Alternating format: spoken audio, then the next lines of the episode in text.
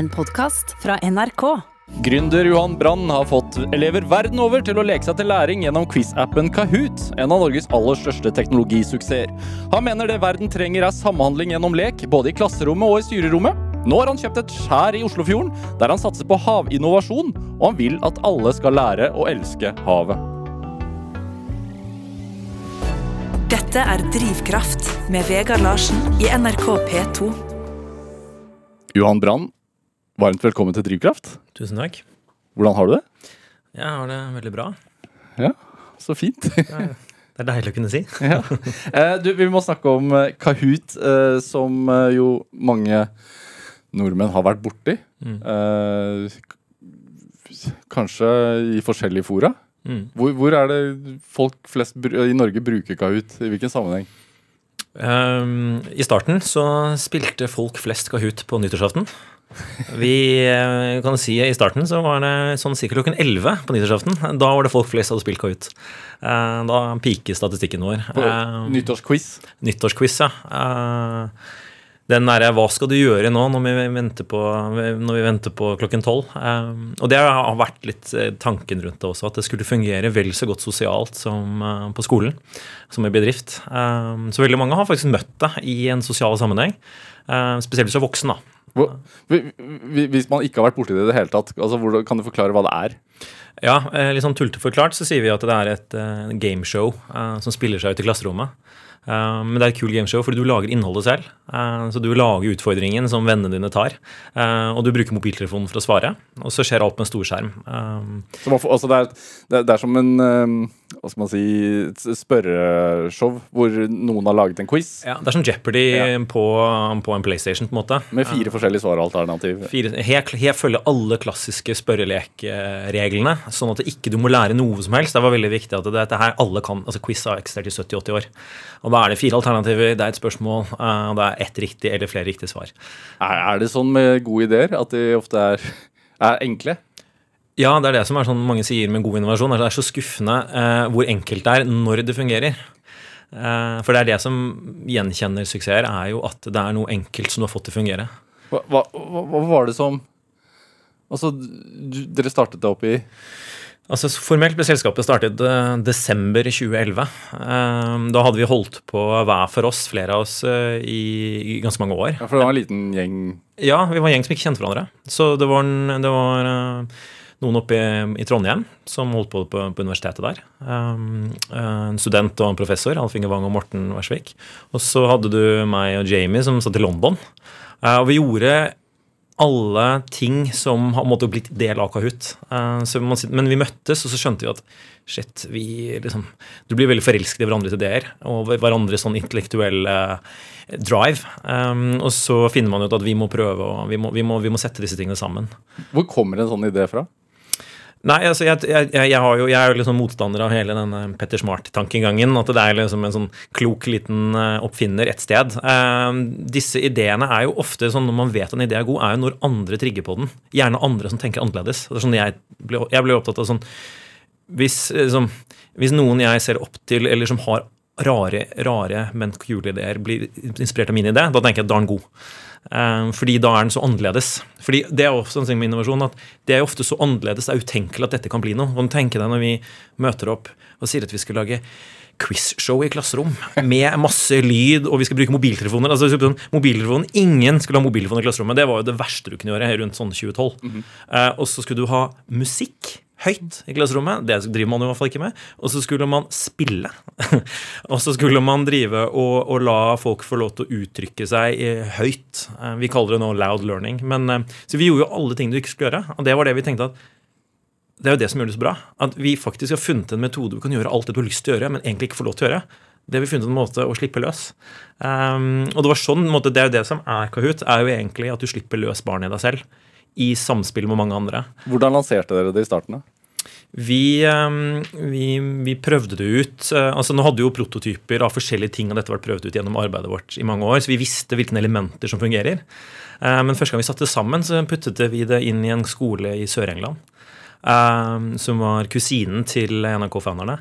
Som var musikklærer, som var gæren nok til å ta det inn. Eh, men når vi da Så Dere ringte henne og sånn Du har lyst til å prøve dette her? ja, du, vi har en crazy idé. Vi har testet den, og så sa vi sånn Heldigvis hadde vi med NTNU på laget, så vi har jo, dette har jo liksom blitt liksom verifisert på universitetet. Det er jo ikke helt crazy. Eh, men, eh, men vi skal be barna ta frem mobiltelefonen, putte seg på internett og, og spille. Men hun, hun sa ja. Og så når hun så en elev som alltid har vært et problembarn bakerst i klasserommet, stå på en pult. Vi har bilde av det. De tok bilde av det. Han står på toppen av en pult og er så engasjert. Og alle de andre barna ser på han og bare Jøsses, liksom. Ok, uh, game on. Um, og da skjønte vi at dette er riktig, for det var det vi ønsket å få til. Vi, vi sa jo til oss selv liksom, utfordringen er å gjøre læring gøy igjen. Ja. Uh, det, var det, vi, det var det vi skulle løse. Og så prøvde vi liksom, hva er det, hva er det som skal til for å gjøre læring gøy igjen. Da? Um, og det er jo at folk er engasjert. Så du dro inn et konkurranseelement, rett og slett? da Ja, en konkurranse, men det faktisk viktigst som mange er, er at innholdet er relevant til deg. Så lærerne og andre elever lager jo innholdet. Sånn. Det, det handler jo ofte så er spørsmålene Det er ikke bare om liksom, det pedagogiske, men det er også om ting som du bryr deg om. Gjerne sånn at man putter eksempel fot, lokale fotballaget inn i spørsmålene rundt matematikk. Og da har du en grunn til å by det også. ikke sant? For Veldig ofte er læring veldig abstrakt. Det er ikke om meg, det er ikke om mitt liv. Det er liksom, hvorfor skal jeg lære meg dette? Så det Kahoot gjør, er at det er jo et forfatterverktøy som elever og lærere hvor de får laget innhold som er gjelder meg. Akkurat det sosiale medier gjør det interessant. ikke sant? Det er om deg og ditt. Um, og så får du lov til å dele det. Du får lov til å trykke, og så får du se vennene dine, og så får du danse, og så får du lov til å bare uttrykke det. Uh, det nå er det jo obvious, men da var ikke det sånn at det, det skulle skje.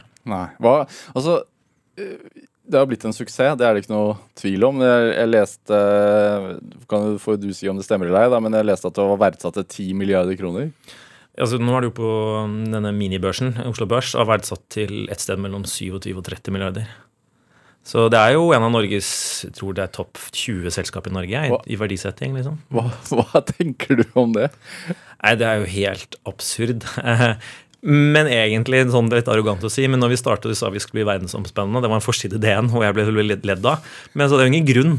Hvis vi gjør det riktig, det er ingen grunn til at det ikke skal bli verdensledende. Og da er det jo helt naturlig at det skal bli verdt veldig mye penger. Nå har jo selvfølgelig da det hjelper å ha fått med folk som har kunnet gjøre den, den jobben ikke jeg kunne gjøre. Altså dagens ledelse. Det er jo dette er de rågode på. Altså det må jo, det må jo si at En ting er jo å snakke om teologien, men det er jo sånn at du har en ledelse i dag som har klart å ta noe så kontrært og så bygge en finansiell plattform rundt det eh, som gjør at folk tror på det. Fordi den verdisettelen er jo at folk tror på det, og de tror det skal bli verdt mange ganger mer. Det er det syke. Det er verdt 30 milliarder, men folk tror det skal bli verdt da ti ganger av det igjen. ikke sant?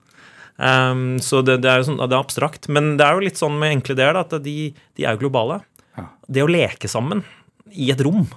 Vi har derfor sagt at det er fra klasserom til styrerom. Det var jo sånn, Hvis du får til det, så er det jo, det er jo overalt. Da, da er det på nyttårsfest. Da er det på Times Square. Da er det jo hjemme dem. Men altså, du, du nevner den ene gangen dere testet det altså for første gang i et klasserom, og at en sto oppå pulten. Altså, Er det andre episoder du husker spesielt fra starten? som Altså, Ja, hvor en- du så effekten? Altså At barn kunne få noe ut av dette? Ja, altså, fordi det som er gøy med Gud, at egentlig er det jo veldig veldig mange biter som er satt sammen.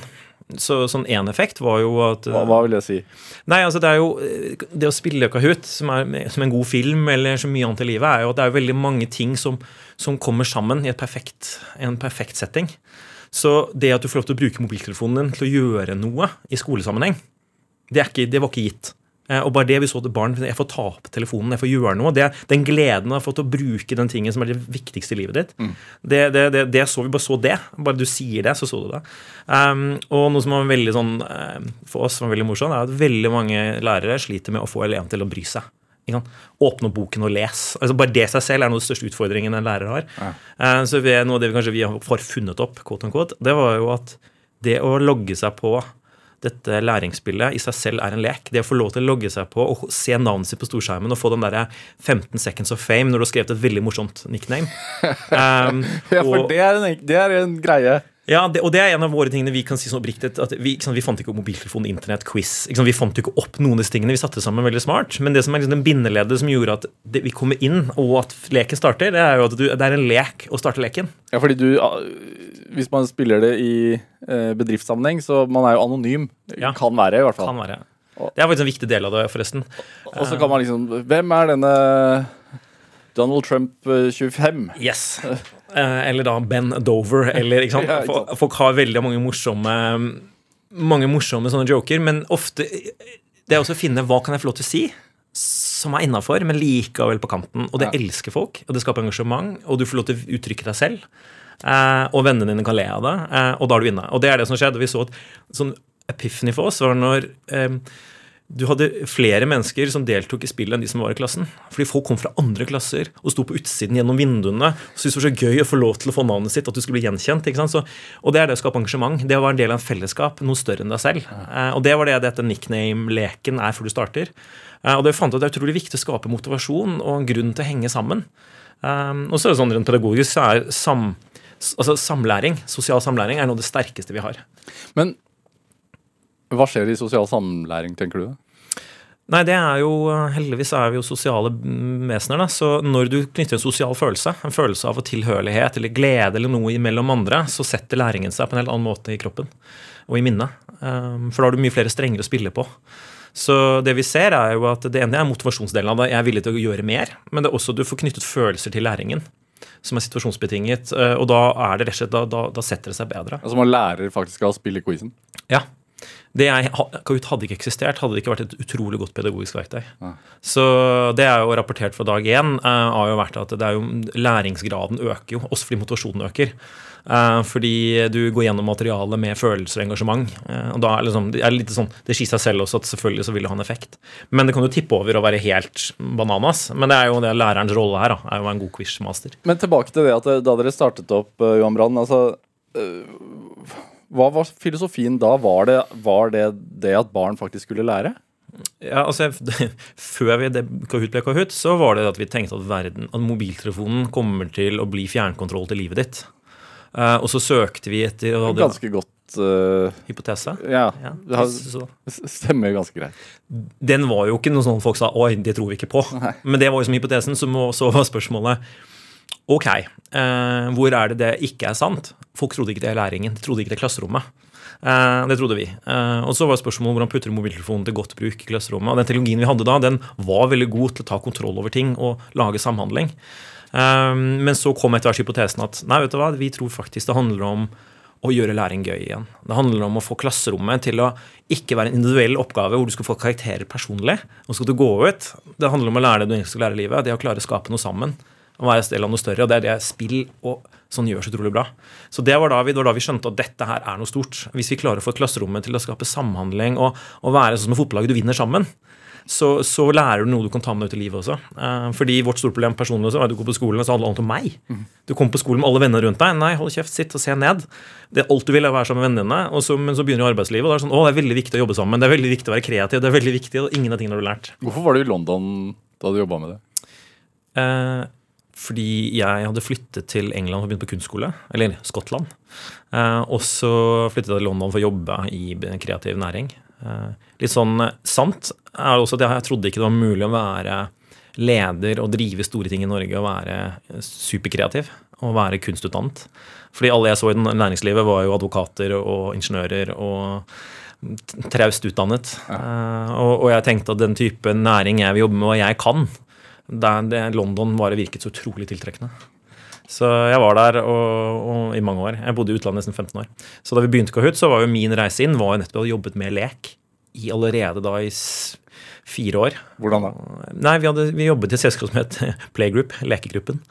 Um, og vi lagde um, spill for næringslivet. Vi lagde spill for, B for BBC, f.eks. Um, Hva slags spill snakker vi da? Nei, For BBC så var det kjempegøy. Da lagde vi Robin Hood-spill.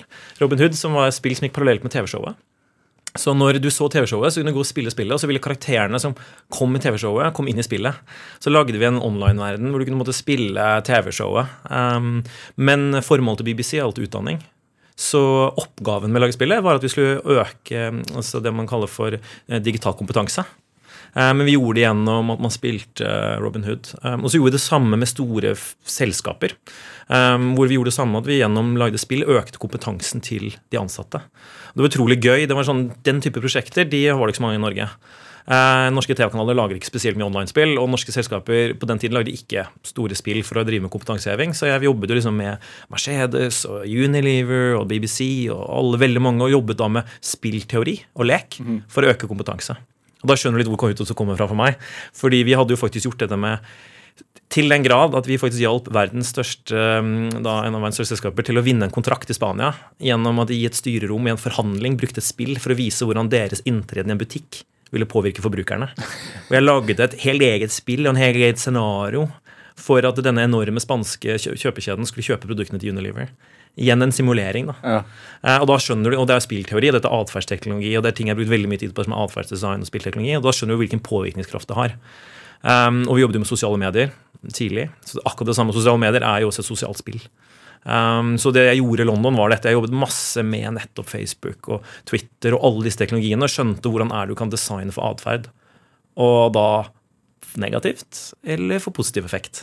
For avgjengsskaping eller for uh, Fordi det, er lett å, lett å gå den negative retningen også. Ja, og så har jeg, gikk det en liten sånn uh, djevle meg. Jeg merket også etter hvert at jeg ønsket veldig mye å være del av den opplysningen. Fortelle folk hvordan de blir manipulert.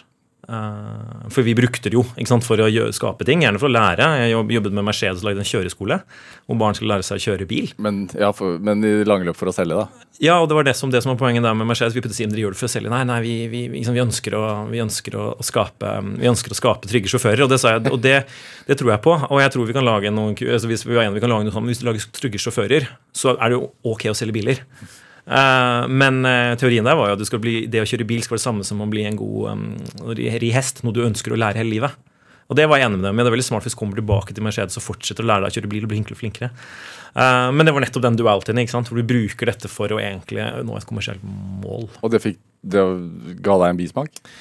Ja, eller det, Du skal være åpen på det. Jeg tror ikke det er galt hvis du sier liksom hvorfor du gjør det. Men å putte masse små barn i en Mercedes for at mor og far skal kjøpe mer i bil, eh, under dekka og late som bare er for å kjøre, lære seg å kjøre det. mm.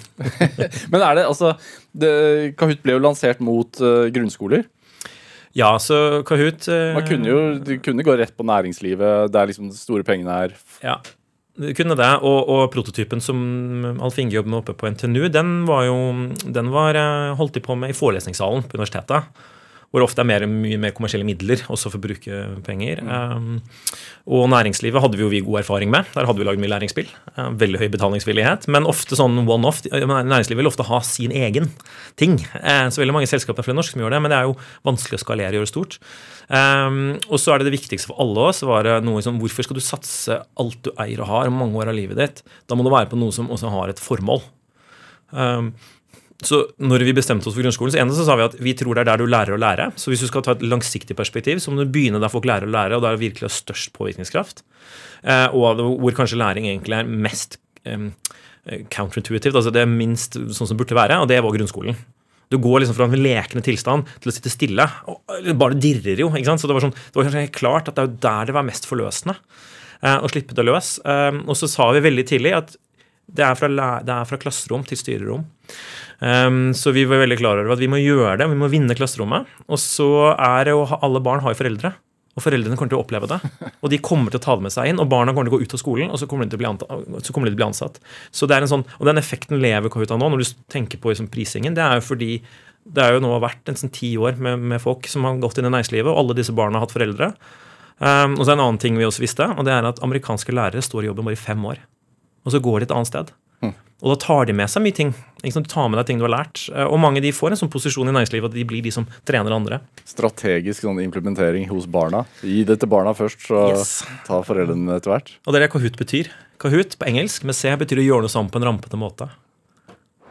Dette er Drivkraft med Vegard Larsen i NRK P2. Og i dag er en av gründerne av Kahoot, Johan Brann, her hos meg i Drivkraft på NRK P2. Altså hva, hva, hva ha, Har dere tall på om det faktisk har bidratt til å gjøre barna smartere, holdt jeg på å si? Altså, har, har de lært noe av dette her? Ja, det er min favorittspørsmål. Um, fordi forskning ligger jo alltid mange år etterpå. Og hvor mange ting utsettes du ikke for i de 45 minuttene som skjer seks ganger etter hverandre? Å skille ut én aktivitet er vanskelig, men det man, kunne, det man har tall på, er at, er at flere skoler har rapportert, og nå har det vært forsket på, Norge er mye ute på, at ja, det øker læringsgraden, eh, og det økes læringsvilligheten eh, og engasjementet. Så er det er, er læring gjennom lek noe du har øh, erfart selv? Altså Har det vært en fin måte for å lære på for deg? Ja. Det har vel vært den måten jeg har lært på. eh, Er gjennom lek. Ja, Jeg var veldig heldig og hadde en lærer som het Anne Marie som, når jeg var på barneskolen, som, som så jo at jeg var jo læringsvillig. Jeg ville jo lære, men samtidig så trengte jeg å bevege meg. Jeg trengte å få lov til å løpe rundt skolebygningen, kanskje komme tilbake og sette meg ned. Um, og det er jo det lek handler om. Er sånn, det er jo det å få utløp for ting. Det å kunne ha sosialt samspill med andre. Det å løse oppgaver og føle mestring. Mm.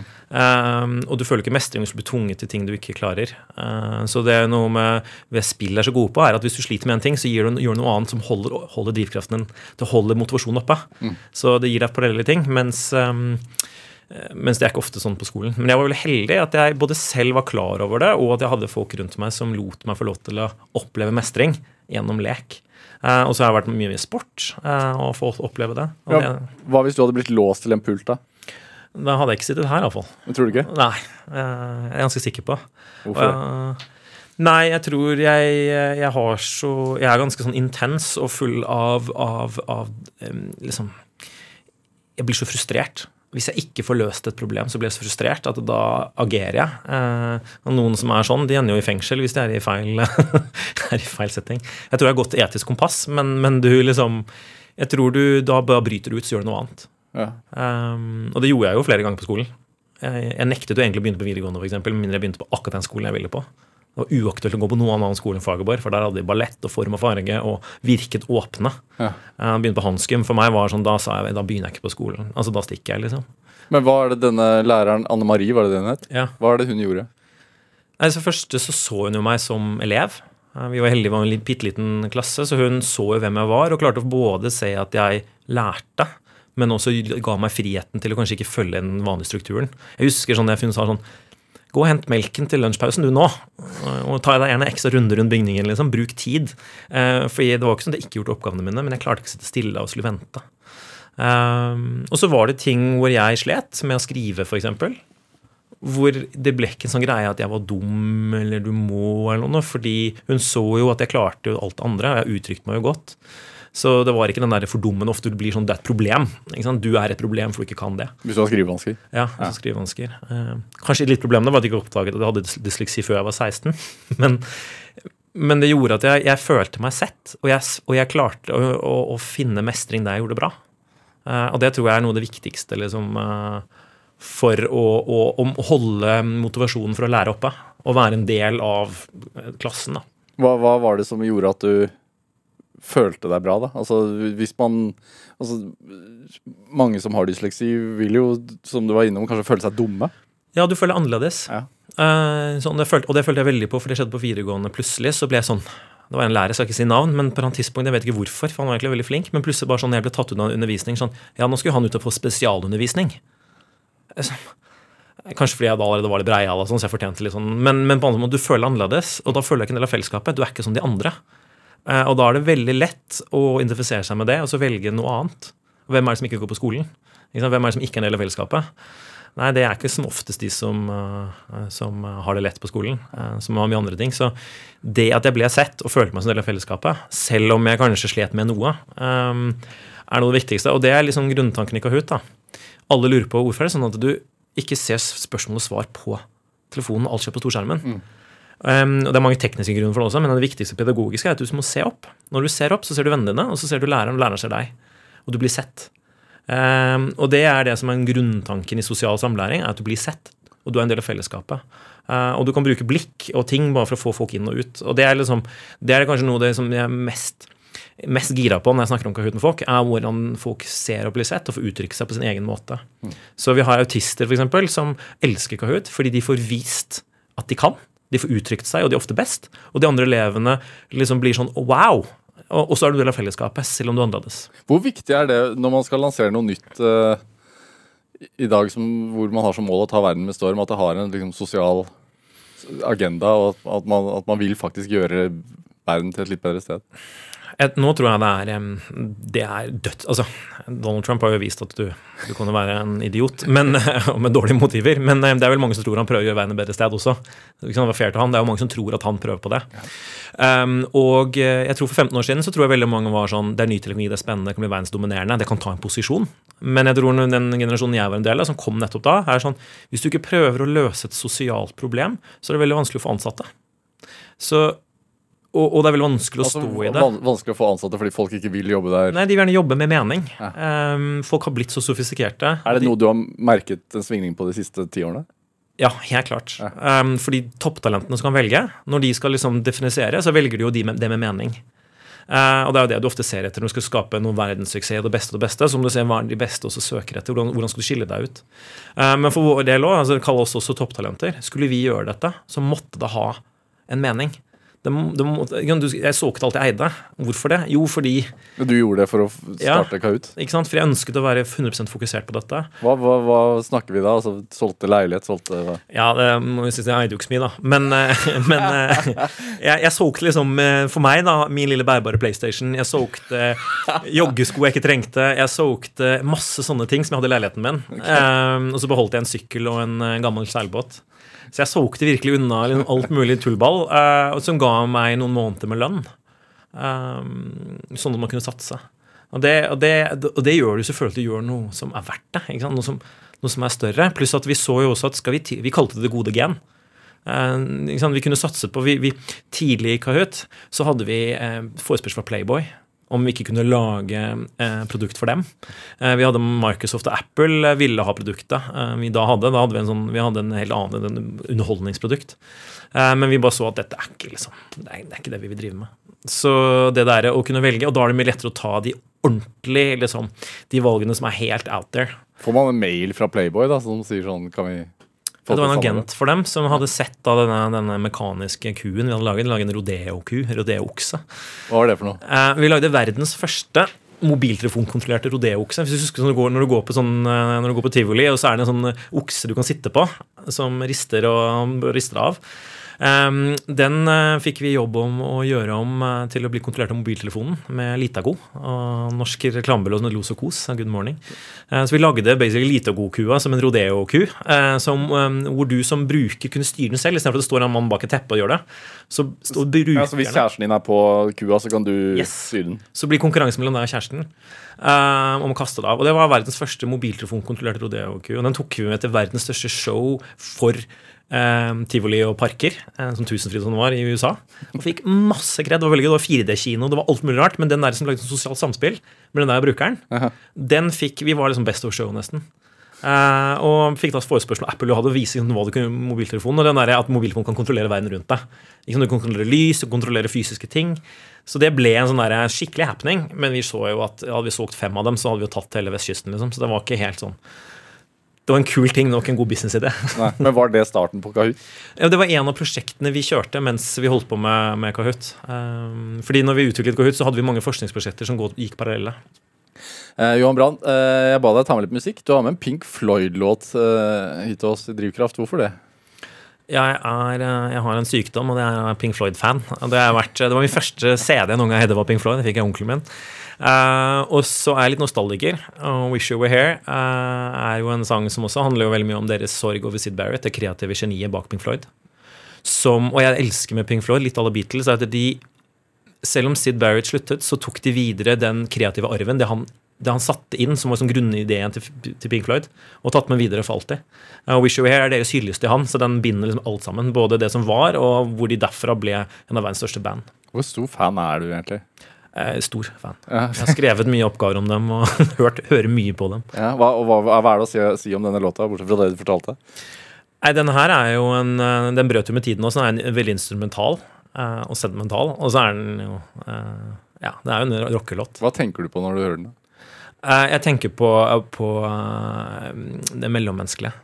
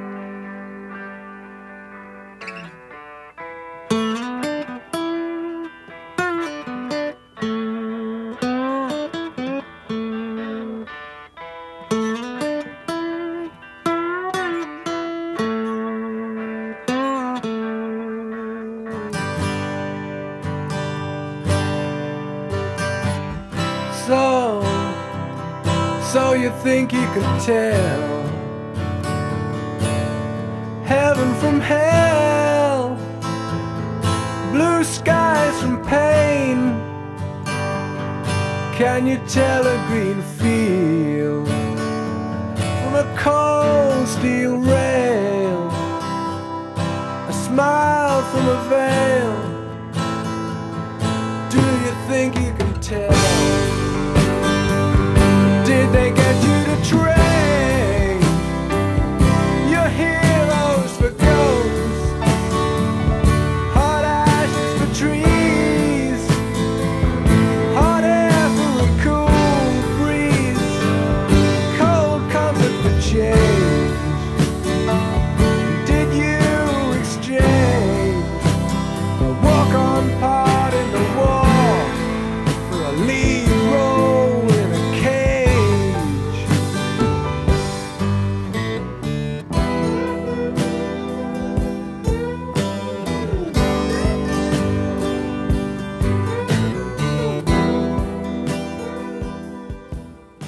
Ja, du fikk litt av Pink Floyds 'Wish You Were Here' her i Drivkraft på NRK P2. Valgt av dagens gjest her i Drivkraft, nemlig en av gründerne av eh, tjenesten Kahoot, Johan Brann. Uh, Johan, det er, jeg, vet, jeg vet du er veldig inspirert av en, en eh, fyr som uh, het uh, sir Ken Robinson. eh, som nylig døde. eh, Mannen bak en av de mest populære TED-talkene noensinne, hvor han bl.a. snakker om hvordan skole dreper kreativitet. Hva, hva er det i hans budskap som, som du tenker er, er viktig? Nei, han, eh, dette er jo snart 15 år siden, og han poengterte det i en tidspunkt hvor vi satt øh, og jobbet i kreativ næring i London. øh, og prøvde å lage løsninger som skulle motivere ansatte for å lære. Eh, og begynte å titte på hva er, liksom, hva er det en av grunnene til at folk ikke løser problemer, hva som skjer, og det er at kreativitet blir drept. Og man kan si at eh, kreativitet har blitt et problem i samfunnet vårt, at vi har for lite av det. Og det han tok tak i, var å se på hva som skjer i skolesystemet. Hvor er det vi avlærer kreativitet? For vi er født med det. Så hva er det som skjer? Um, så Alle, barn liker å tegne, f.eks., og slutte med det. alle barn er liker å tegne, danse, uttrykke seg selv, um, er trygge på å gjøre feil. Um, de har abstrakte tanker. De, de sier så mye rart, og som ofte er en sånn form for kreativitet også, som vi etter hvert avlærer oss for å passe inn i en boks.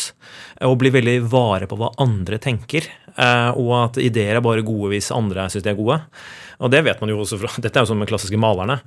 Eh, Balke var jo ikke anerkjent for sin tid hva han drev med, for alle andre syntes det var feil. Men kreativitet er jo å tørre å stå i noe og uttrykke noe eh, annerledes. Hvor, også det at du faktisk har eh, dysleksi, men også eh, dyskalkuli. Eh, hvor vesentlig har det vært i, i, i forhold til den innstillingen der? At du eh, At du tenker at man må våge å, eller ha lov til å tenke utafor boksen? Ja, jeg tror, og det er kanskje derfor jeg ble veldig glad i Sir Ken Robinson, for han satte jo ord på det. Og sa jo du kan for se det i det, og, og snakket jo om folk med dysleksi. Og dro jo frem veldig mange dyslektikere som er ekstremt kreative. I næringslivet, f.eks. Um, um, Jeg hadde polfarer og forlegger Erling Kagge her i Drivkraft for noen uker siden. og han har sterk dysleksi og pratet Ja. om det. Han er en helt av meg. eh, Så? Det er veldig mange sånne som han. eh, Du har Branson Veldig mange som, som faktisk har det. Og jeg etter hvert kom jo faktisk i kontakt med noen amerikanere som har skrevet en bok om um, The Dyslectic Advantage. Forsket på det mye. Og de ga meg en diagnose som heter stealth dyslexia. Og hva er det for noe? Uh, Det er um, at du har det de kaller en skjult dysleksi. Så du har en dysleksi som du klarer å skjule veldig lenge. Uh, fordi- Hvordan skjulte du din? Nei, eksempel at jeg kan ikke lese høyt fra bok. Men det jeg gjør, er at jeg leser um, Jeg kan lese, og så kan jeg gjenfortelle. Eksempel. Så du kan memorere? Ja, jeg basically ligger litt foran, så jeg gjenforteller det jeg leser. Eh, For jeg leser ekstremt fort. Um, og det var sånn læreren min på skolen oppdaget det. jeg si, fordi jeg hadde jo den samme læreboken, men det var ikke helt likt. Det var jo Innholdet helt identisk, men det var bare ikke satt, setningen var ikke like. Så begynner man å plukke opp ting. Um, Nå, unnskyld at jeg avbryter deg nå, men Ja. det, det syns jeg. Når var det du lærte deg den overlevelsesteknikken? Alt på Det skjedde jo helt av seg selv uh, uten at jeg visste om det uh, fra tidlig alder. Så lærer du av kompensasjonsteknikker. Um, og de som har dysleksi, har eksempel sånn, det er sånn du gjenkjenner. da, Det er en ting sånn ettertid, det er at jeg er veldig god på å pakke en bil, f.eks. Uh, jeg klarer å bare se hvordan ting skal passe inn i bilen. Eller hvis du flyr over en by, så lærer jeg meg byen med en gang og vet hvor jeg skal gå. Så du, du lærer deg, og, det, er, og den, det som er det jeg kan bruke i hverdagen, det er samme ting du bruker på skolen. Du lærer deg veldig fort mønstre. Du lærer deg å, å dekode Er det klisterhjerne vi snakker om her? Nei, klisterhjerne er jo du veldig god til liksom å huske all informasjon. Eh, og det er jeg selvfølgelig også. Jeg er veldig flink til å Jeg leser ting ofte én gang og fått med innholdet. Men det er du, er veldig god til å, til å se mønstre. Visual, visuell Ekstremt visuelt. Ja. Jeg visualiserer det meste, og så ser jeg mønstre, og så, og så bruker jeg gjenskapingskraften. Og det er sånn du skjuler det. Du kompenserer ved å bruke en veldig stor uh, evne du har til å visualisere ting.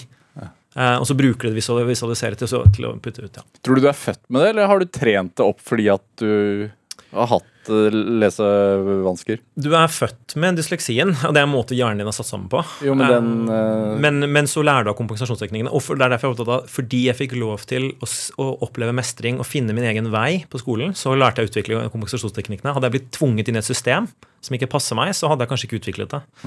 Um, og det er derfor vi er opptatt av denne Dyslectic Advantage og Ken Robinson. For han prøver å gjøre er at veldig tidlig skal se hele barnet. Det som er så bra med det han snakker om, er at du skal se hele barnet, skal du se hvor, hvor de er kreative. For mange, mange har de Noen er jo måte analytisk kreative, er, men det er det at vi har, vi har ikke vi, når, du ikke, når du ikke ser det, og ikke er klar over det, så klarer du heller ikke å, å, å hente det fram i barn. Da. Så jeg er bare veldig veldig heldig at jeg gjennom tilfeldigheter og har med familie rundt meg og, og blitt inspirert av Steve Jobs, som er jo ekstremt kreativ og snakker om snakker om teknologi på en kreativ måte, eh, så begynte jeg å se hva jeg mente også var viktig. Um, og så har jeg måte bare dyrket det. Derfor ville jeg begynne på Fagerborg. Jeg ville være et sted hvor det var et annerledes tankesett. Du, du er fra uh, Bygdøy her i Oslo. Uh, var, er det et hjem der du fikk den støtten og den, til den, å søke den friheten, på et vis? Ja, på en måte. Veldig klassisk Oslo Vest-familie òg. Du skal jo gjøre det bra i livet og utnytte potensialet ditt og helst ha en økonomiutdannelse. Eh, men Bli sivilingeniør, eller? Ja, bli sivilingeniør. Eh, Men samtidig så var min bestemor veldig kreativ. Mammaen min er kunsthistoriker. Du blir eksponert til kunsten og hva det er for noe. Eh, Du er heldig på Oslo Vest også. Du får jo, du får jo se alle mulighetene. Du, er, du er en del av samfunnet hvor det er veldig sånn Og alt er mulig. Ja. Um, Faren din, da? Han er skipsingeniør. Uh, kunne gjerne blitt arkitekt. Um, også veldig kreativ. Um, og så ser du at det er mulig å leve et vanlig liv og samtidig dyrke måte, kreativitet. Uh, og at business er kreativt. Og det er noen av den tingen som er redningen for meg. At jeg ser jo på selskaper jeg bygger som kunst, min kunstform. Um, så å få lov til å liksom, oppleve det, det er fordelen tror jeg med å være, liksom, det er fordelen med å være privilegert. At du får se mulighetsrommet. Er det lettere også å ta sjanser da? Mye lettere. Det er mye lettere også fordi du, du ser at du har mange Det er mye lettere sjansen når du ser at det er mange utveier. Hvis du kaster deg ut i noe, og du vet at det bare er en bottomless pit, så er det ikke så gøy. Men hvis du kaster deg ut i det og vet at jeg kan gjøre sånn, eller jeg kan gjøre det, eller jeg kan, da er det mye lettere, da blir jo risikoen mye lavere. Ja. Det er liksom Aksel Lund Svindal sier, at risiko er jo, er jo bare farlig hvis du ikke har kalkulert mulighetsrommet etterpå. Men du skulle bli kunstner sjøl, da? Ja, jeg studerte kunst. Eh, Jeg vet ikke om jeg skulle bli kunstner, men jeg var utrolig fascinert av kunstutdannelsen. Dette er tilbake til Ken Robinson, før jeg hadde møtt han. Men veldig mye utdannelse som vi ble utsatt for, er jo industrialisert. Du skal dyttes inn i en boks, du skal bli advokat, du skal bli ditt og datt. Jeg gikk på BI og merket at jeg, jeg, dette passer meg ikke. Jeg vil lære gjennom å gjøre. Så jeg sluttet, og så startet jeg eget selskap, og så valgte jeg kunstutdannelsen. For den føltes så fri. Det var liksom opp til meg å sette Når du søker også, så er det opp til deg å sette liksom, hvor, du, hvor du vil. Hvor du ser for deg. Ja, det føles jo ikke sånn ofte. Men du får det til å høres veldig lett ut. Eh, ja, og, og, og når man sitter her nå og ser tilbake, så høres alt mye lett ut. Det var ikke lette valg. Det var Nei. dødsvanskelige valg, og jeg var jo ordentlig deprimert. Jeg valgte å slutte på BI. Jeg følte jeg feila. Jeg lå i sengen i to uker og følte meg helt, helt utafor og bare tenkte at nå har jeg bare dette, liksom nå liksom, jeg har ikke, funker jo ikke i samfunnet. Eh, skikkelig nederlag. For jeg er, vant, jeg er jo vant til å gjøre det bra. Jeg er vant til å få gode karakterer. Jeg er vant til alle sånne ting, Og så plutselig slutter jeg eh, på skolen. Så det Hva var problemet da? Nei, jeg mistrivdes. Jeg var ikke noe flink. Jeg motiverte meg ikke. Jeg syntes det var mye kulere å heller jobbe, noe jeg gjorde ved siden av. Um, så jeg og bestekompisen vi bestemte oss bare for å slutte. Og, det var jo en måte veldig, veldig befriende, samtidig dødsskremmende. Og hva var neste steg da? Nei, det var å starte eget selskap. Ja. Og så var det å søke på kunstutdannelse. og reise til, eh, til Storbritannia og etter hvert lage en rodeo-okse, si. Ja. ja, og da, der begynte også reisen med det der. Det som er gøy med kunst, og det passer meg, det er å utfordre det etablerte. Kunsten, det du lærer på kunsten, det er å stille veldig intelligente spørsmål til det etablerte. og utfordre den tanken alle har. Eh, og det er kjempegøy. Dette er Drivkraft med Vegard Larsen i NRK P2. Og i dag er en av medgründerne av eh, Kahoot, Johan Brann, her hos meg i Drivkraft på NRK P2. Altså, eh, du har kjøpt et skjær Ja. eh, i Oslofjorden. Du har, altså, du har solgt en del av aksjene dine i Kahoot, men du er fremdeles Jeg er medeier. medeier. Stolt medeier, og som gründer så er det jo barnet ditt, så du vil jo alltid være medeier. Emosjonelt. Men det er jo selvfølgelig gøy også å være aksjonær. Men vi bestemte oss for at det, noe av det morsomste vi kan gjøre, det er å skape. Og, men, og det å selge en del av det bidrar også til at man tjener litt penger, da. Ja, da tjener man penger, og penger er jo, er jo vi ser en, en krone er som en hammer. Eh, og det er viktig å, å putte hammerne til bruk, eh, og ikke bare la de sitte i sitte et sted. Så det var tanken med å få frigjøre kapital, for å så kunne begynne å skape nye ting. Ja. Og det er jo det som er gøy når du har hatt suksess, er jo å kunne omsette suksessen til andre ting. Um, så det, og når jeg sluttet liksom i ledelsen, så var det helt naturlig. Da sa jeg fra at jeg ønsker jo å frigjøre midler for å skape nye ting. Og hvorfor er det givende for deg? Det er, no, det er jo der jeg finner uh, lykke.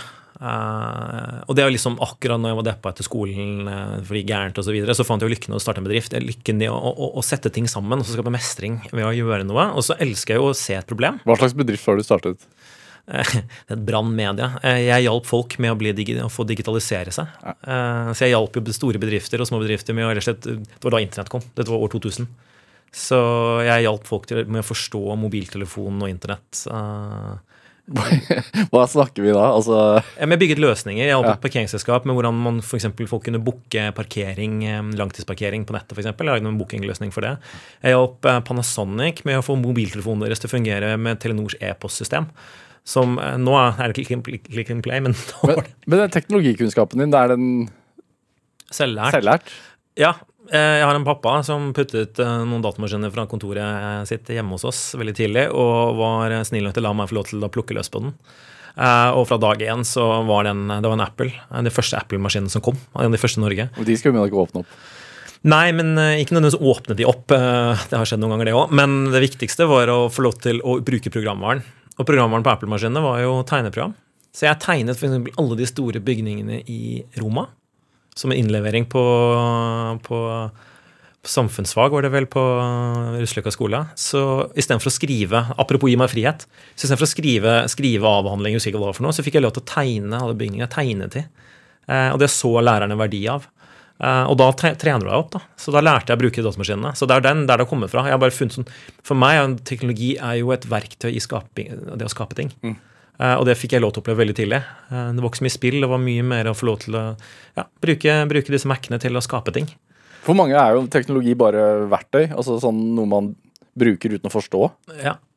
Men Jeg føler at du må forstå verktøyet for å få det meste ut av verktøyet. Ja. Eh, Det er litt sånn som min eget hode. da. Jeg har vært veldig opptatt av å forstå hodet mitt, sånn at jeg kan få det meste ut av det. Så, fordi det er jo mange ting i hodet mitt som, er, som, som ikke fungerer så bra, så det må jeg jo Men hvordan har, altså, har du, ja, du har tenkt mye på det? Hvordan funker hodet mitt? Ja, eh, og det skjedde under kunsten. eh, Utdannelsen, så fant jeg ut hvordan, eh, så begynte, så begynte jeg å se på manipulering av tid. For noe kunstnere gjør best, er å manipulere tid. Gjennom, Nå, gjennom, nå er det abstrakt der, Brann. Ja. Nå må du forklare. Nei, så eksempel i film, noe av det beste en film gjør, er når du mister følelsen av tid. Noe det, veldig mange når snakker om lykkefølelse, eh, er når man har mistet konseptet med tid. Når man ikke lenger tenker over tid, så er- sier mange mennesker at da har de en følelse av lykke. Og det kan jo være i, i personlige mellom mennesker. Det kan være når du har store naturopplevelser. Ofte i filmen så gjenskapes jo det. Du går i en sånn akvariemodus. eh, I musikk. Um, uh, så jeg ble veldig opptatt av hva er det, hva er det, liksom, hva er det, hva er det som ligger i det. Så fant jeg ut at veldig mange kunstnere um, bevisst går inn for å manipulere tid, for å, for å gi et vis, føl- en føl, få deg inn i en følelsesmodus. Da. At du åpner opp hodet til noe osv. Så, videre. så jeg gjør en hovedoppgave på manipulering av tid. Og når du gjør det, så begynner du å forstå, da begynner du å forstå, da begynner du på filosofi, og så begynner du å forstå hvordan mennesket forholder seg til ting. Har du noe eksempel på eh, Ja, Matrix. Ja, Matrix. Matrix er den beste, for den, var en sånn, den, den går helt tilbake til den løpende hesten, som Ja. folk kan bevege bildet. Hvor de på en måte tar jo De tar jo og stopper tiden, mens de spinner de rundt tiden. Denne personen som løftes opp og sparker, så løfter de kameraene rundt. Så du opplever tid, men du opplever den ikke at den går fremover. Den går i seg selv. Um, og det er jo sånn den gode filosofen også har snakket om. Liksom, hvordan er det tid faktisk Er det sirkulært? Er det en, en, er det en elv som går for alltid? Og, og det er så gøy at tid er opplevelse. Og så har vi satt et matematisk system rundt det. Det presten i Iran. Satt et matematisk system rundt det. Um, og det er det som er så gøy, og da kan du manipulere det. Når du forstår hva vi opplever, kan du manipulere det. Så det er jo, Filmen er veldig god til å gjøre det, men også bilder. Ja. Eh, Fotografiet. Det tar et øyeblikk, og så setter du det fast. Uh, og da kan du også manipulere folks forhold til tid. Hvordan ser det ut ø, oppi hodet ditt? Eh, Det er nok litt rotete for mange, tror jeg. For meg også av og til. Av og til så får jeg sånn brain fatigue, som det heter. Av og til så har det gått så mye rundt at jeg rett og slett blir utslitt. Jeg må legge meg ned. um, og det er også det jeg prøver å mestre og forstå. Uh, for det er sånn, mange har, jeg, det er mange som har det, men det er veldig mange strømmer åpne. Så jeg tenker mange tanker parallelt. Og så ofte det morsomme er å sammenligne de tankene. Um, liksom du, du løser forskjellige problemer. Og, og og det har du et forhold til. Det er interessant. Jeg tenkte Før vi gikk i studio, her, så spurte jeg deg om du ville ha en kopp kaffe, og så så du på klokka, og så tenkte du da kanskje hvor lenge siden er det jeg hadde den forrige kaffen? Altså, Ja, og nå trenger jeg litt sukker. Ja. Eh, fordi vi skal konsentrere oss. Vi skal gjøre det vi skal gjøre.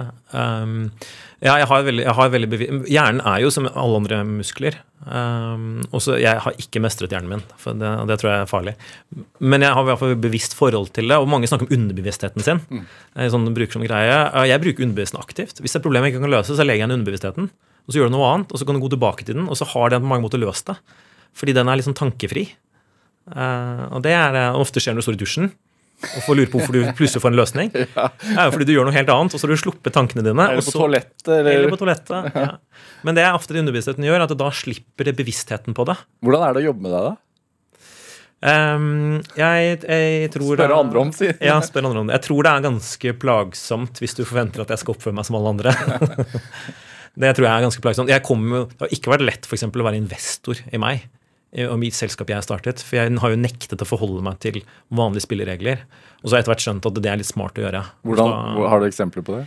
Nei, jeg har store overbevisninger om at den hvordan vi ser verden er riktig. Og så har jeg noen ganger kanskje glemt at det er smart å bygge en bro til der de andre står.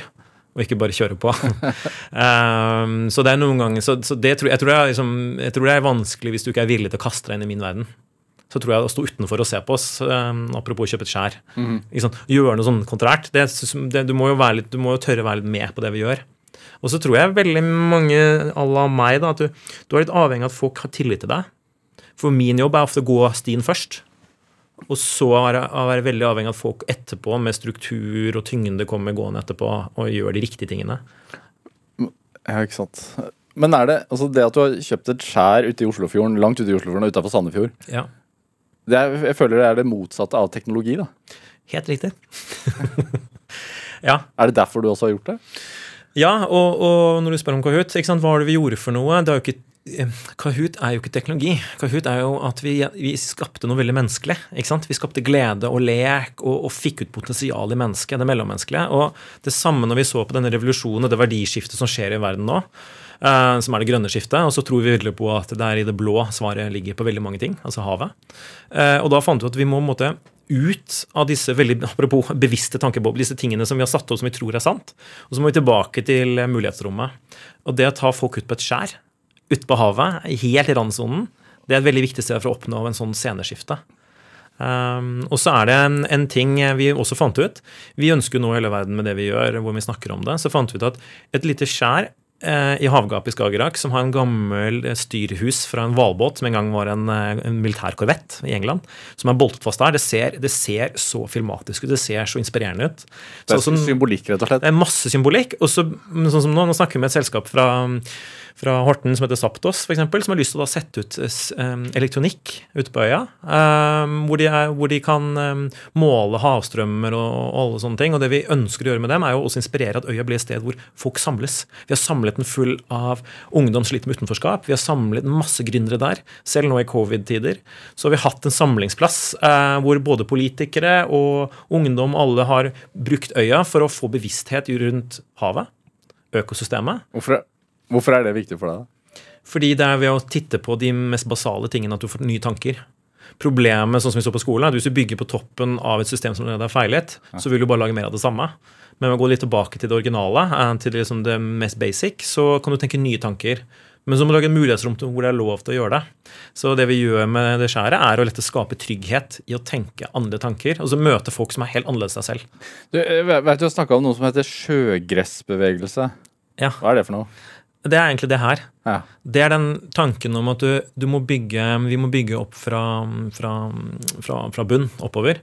Og sjøgressbevegelsen det er liksom, det er marinebiologen som heter Pia, som elsker havet, og hun foreleser. Og så er det da nettopp denne ingeniørbedriften Saptos for eksempel, som utvikler eh, eh, altså, elektronikk for havet, for å måle instrumenter. Og at de møtes helt naturlig. Et helt naturlig sted. Eh, og ungdomseleven som er helt opptatt av havet og plastikken. Og alle de kan møtes et sted og, og se at de kan være en del av det. Eh, Du må ikke begynne å jobbe i Equinor. Du kan faktisk begynne å bygge den fra nå. Og det er det sjøgressbevegelsen gjør. Men hva, hvorfor er det hvorfor er, altså, Du sitter jo her i studio i dag med en sånn eh, sjø, sjømannslue. uh, og hvorfor er, det, hvorfor er havet så viktig plutselig for deg? Har det alltid vært det? Ja, jeg er overbevist om at mamma og pappa lagde meg på havet. Eh, mamma, mamma var kaptein, og pappa var mannskap, så jeg er helt sikker på det. Um, og så er jeg vokst opp ved havet, i strandsonen. Ja. Og så har jeg vokst opp i en familie hvor, hvor veldig mye av businessen og alt har skjedd med havet. Og så elsker jeg å seile. Jeg elsker jobben. Jeg elsker jo bare det, alt livet rundt havet. Men så er det den mer analytikeren i meg, med at 70% av jorden er havet. Eh, det meste av energi og alt hentes og, og forvaltes på land, mens det meste av ting er egentlig i havet, og det er ikke utnyttet. Norge er, vi er i forefront, men vi driver fremdeles med bitte litt av det. Så det er ren sånn også at jeg tror framtidens bedrifter kommer til å være mye mer plugget på havet. Eh, Så det er også businessmannen i meg som bare tenker at her kan jeg kombinere det jeg tror på. Og det er overbevisningen min er, er at havet har så mye potensial i energi og mat og muligheter at vi må bare begynne å ta tak i det. Eh, Hvor vesentlig er miljøvern og, og det å rydde opp for deg, da? det er, kjempe, det er veldig viktig, det, fordi miljøvern er en bevisstgjøring. Eh, Det er en bevisstgjøring, men eh, miljøvern er et du plukker, du, du tar altså, Miljøvern er kjempeviktig. Spesielt hvis det bevisstgjør sånn at du tar tak i løsningen som gjør at det ikke blir et problem i utgangspunktet. Eh, Bare plukke plast er jo et problem. Du må jo stoppe plasten ut. Og det er liksom tanken med energi også. Hvis vi er så redde for CO2 osv., miljøvern, så det er kanskje viktigere å finne der du kan begynne. Så meg, jeg er mye opptatt av, og det er jeg trent opp til, er å finne løsningen. Eh, Sånn at du slipper å plukke opp problemet. Hva tenker du, altså, når du har, merker at du har langsiktige tanker, hva- hvordan tenker du at Norge ser ut om 10 år, 20 år? Som, er det olje fremdeles da? Hva ser du for deg? Ja, altså, olje- ja? Selv om vi ikke kommer til å bil, kjøpe så mange nye bensinbiler, så kommer det til å ha bensinbiler på veien. Men eh, nei, jeg tror Norge kommer til å ha en ganske Nå begynner, nå begynner FNs havtiår. Og Norge er noen av de viktigste landene i det. Så vi kommer til å ha en ganske viktig politisk rolle i de neste fem til ti årene rundt havet. Vi har en, veldig, vi har en, sånn, vi er en supermakt, selv om vi er putte små. Så vi tror vi kommer til å se at politikere og politikken kommer til å være veldig opptatt av havet, vår rolle med havet. Da spesielt opp med Arktis også. Det blir jo mer hav etter hvert. Eh, og så ser vi jo det, for jeg investerer i mye tidligfasebedrifter, og de satser veldig mange på havet. Og om de så er på land, om det er oppdrett på land, for den saks skyld, men om det er mat, om det er mange ting, så er ofte økosystemet, tingene de plugges i, er, skjer med havet. Um, så jeg bare tror vi bare sånn Havet kommer til å være mye mer større del av, av eh, vårt liv. Og så jobber jeg bevisst. En ting er å få havet inn i pensum, inn i skolen. Hvor, på hvilken måte? Det er sånn Klassikerne sier det alltid sånn to tog møtes. Hvorfor er det ikke to blåhval som møtes? liksom? Altså, hvorfor, er det, hvorfor er det sånn at det, meste av pensumet omhandler livet på land, og ikke om livet på land? Det, det, inspirerer jo ikke folk til å få større forståelse. Så um, jeg tror Norge kommer til, vi kommer til å ha et mye mer bevisst forhold til havet om 10-20 år. Og Norge kommer til å nok ha veldig mye av økonomien vår. Det vi lever av, det som um, bedrift, store bedrifter gjør, kommer til å være mye mer koblet på havet. Det, altså, det er jeg helt overbevist om. Så får vi se, da. Eh, Johan Brann, jeg vet jo du investerer i, i oppstartsbedrifter og sånne ting. Men hvis, hvis man er ung gründer i dag, eh, og det har jo du vært en gang i tiden også eh, Hva er rådet ditt liksom, til, til gründerspirene? Um, ja, når det handler Selv PlayStation? Ja, selv, selv, nei, ikke selv PlayStation, faktisk. Uh, det var noe jeg bare måtte gjøre. PlayStation er et utrolig bra verktøy for å utvikle hjernen din. Eh, hvis jeg har vært ung gründer nå, er å få tak i et problem som er stort nok til at du kan få mange mange mennesker til å være med på det og, og løse det med deg. Eh, mange tar jo tak i sm ganske små problemer som er veldig lokale. Det er også viktig. Um, men noen ganger så kan det, være, kan det være ganske viktig, og hvis du skal klare å leve av gründerskap, å finne og jobbe med ideer som mange kan være en del av. Så man skal, skal ikke, skal ikke sitte og tviholde på det selv, altså.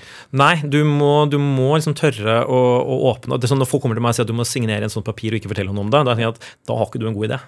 Eh, Du må, du, du må skape en bevegelse rundt det du gjør. Ergo, jo flere som vet om det, jo flere som snakker om det, jo mer sjanse har du for at det blir en suksess.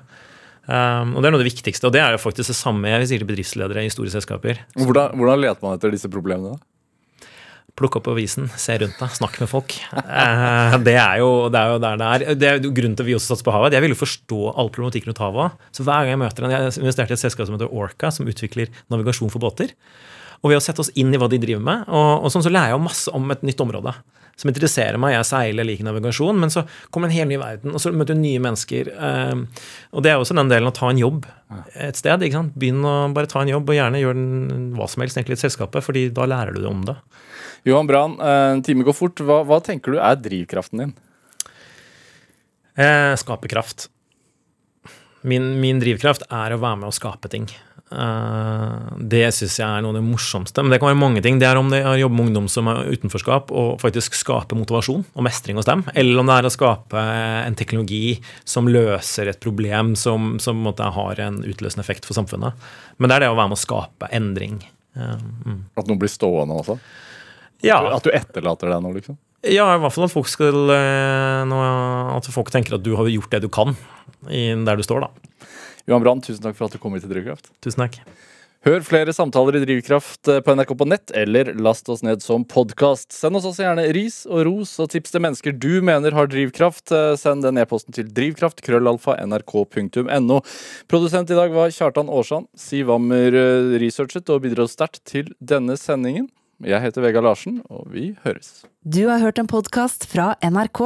Hør flere podkaster og din NRK-kanal i appen NRK Radio.